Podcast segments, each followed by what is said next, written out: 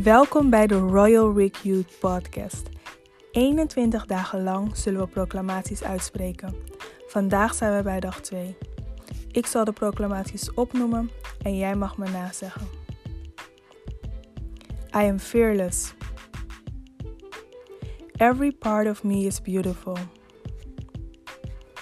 I have the strength to overcome any challenge. I am worthy. I will inspire those around me. I know my potential. I am loved. Today is my day. I am amazing. I deserve the best. I don't fall, I learn and I win. I matter. I have great talents.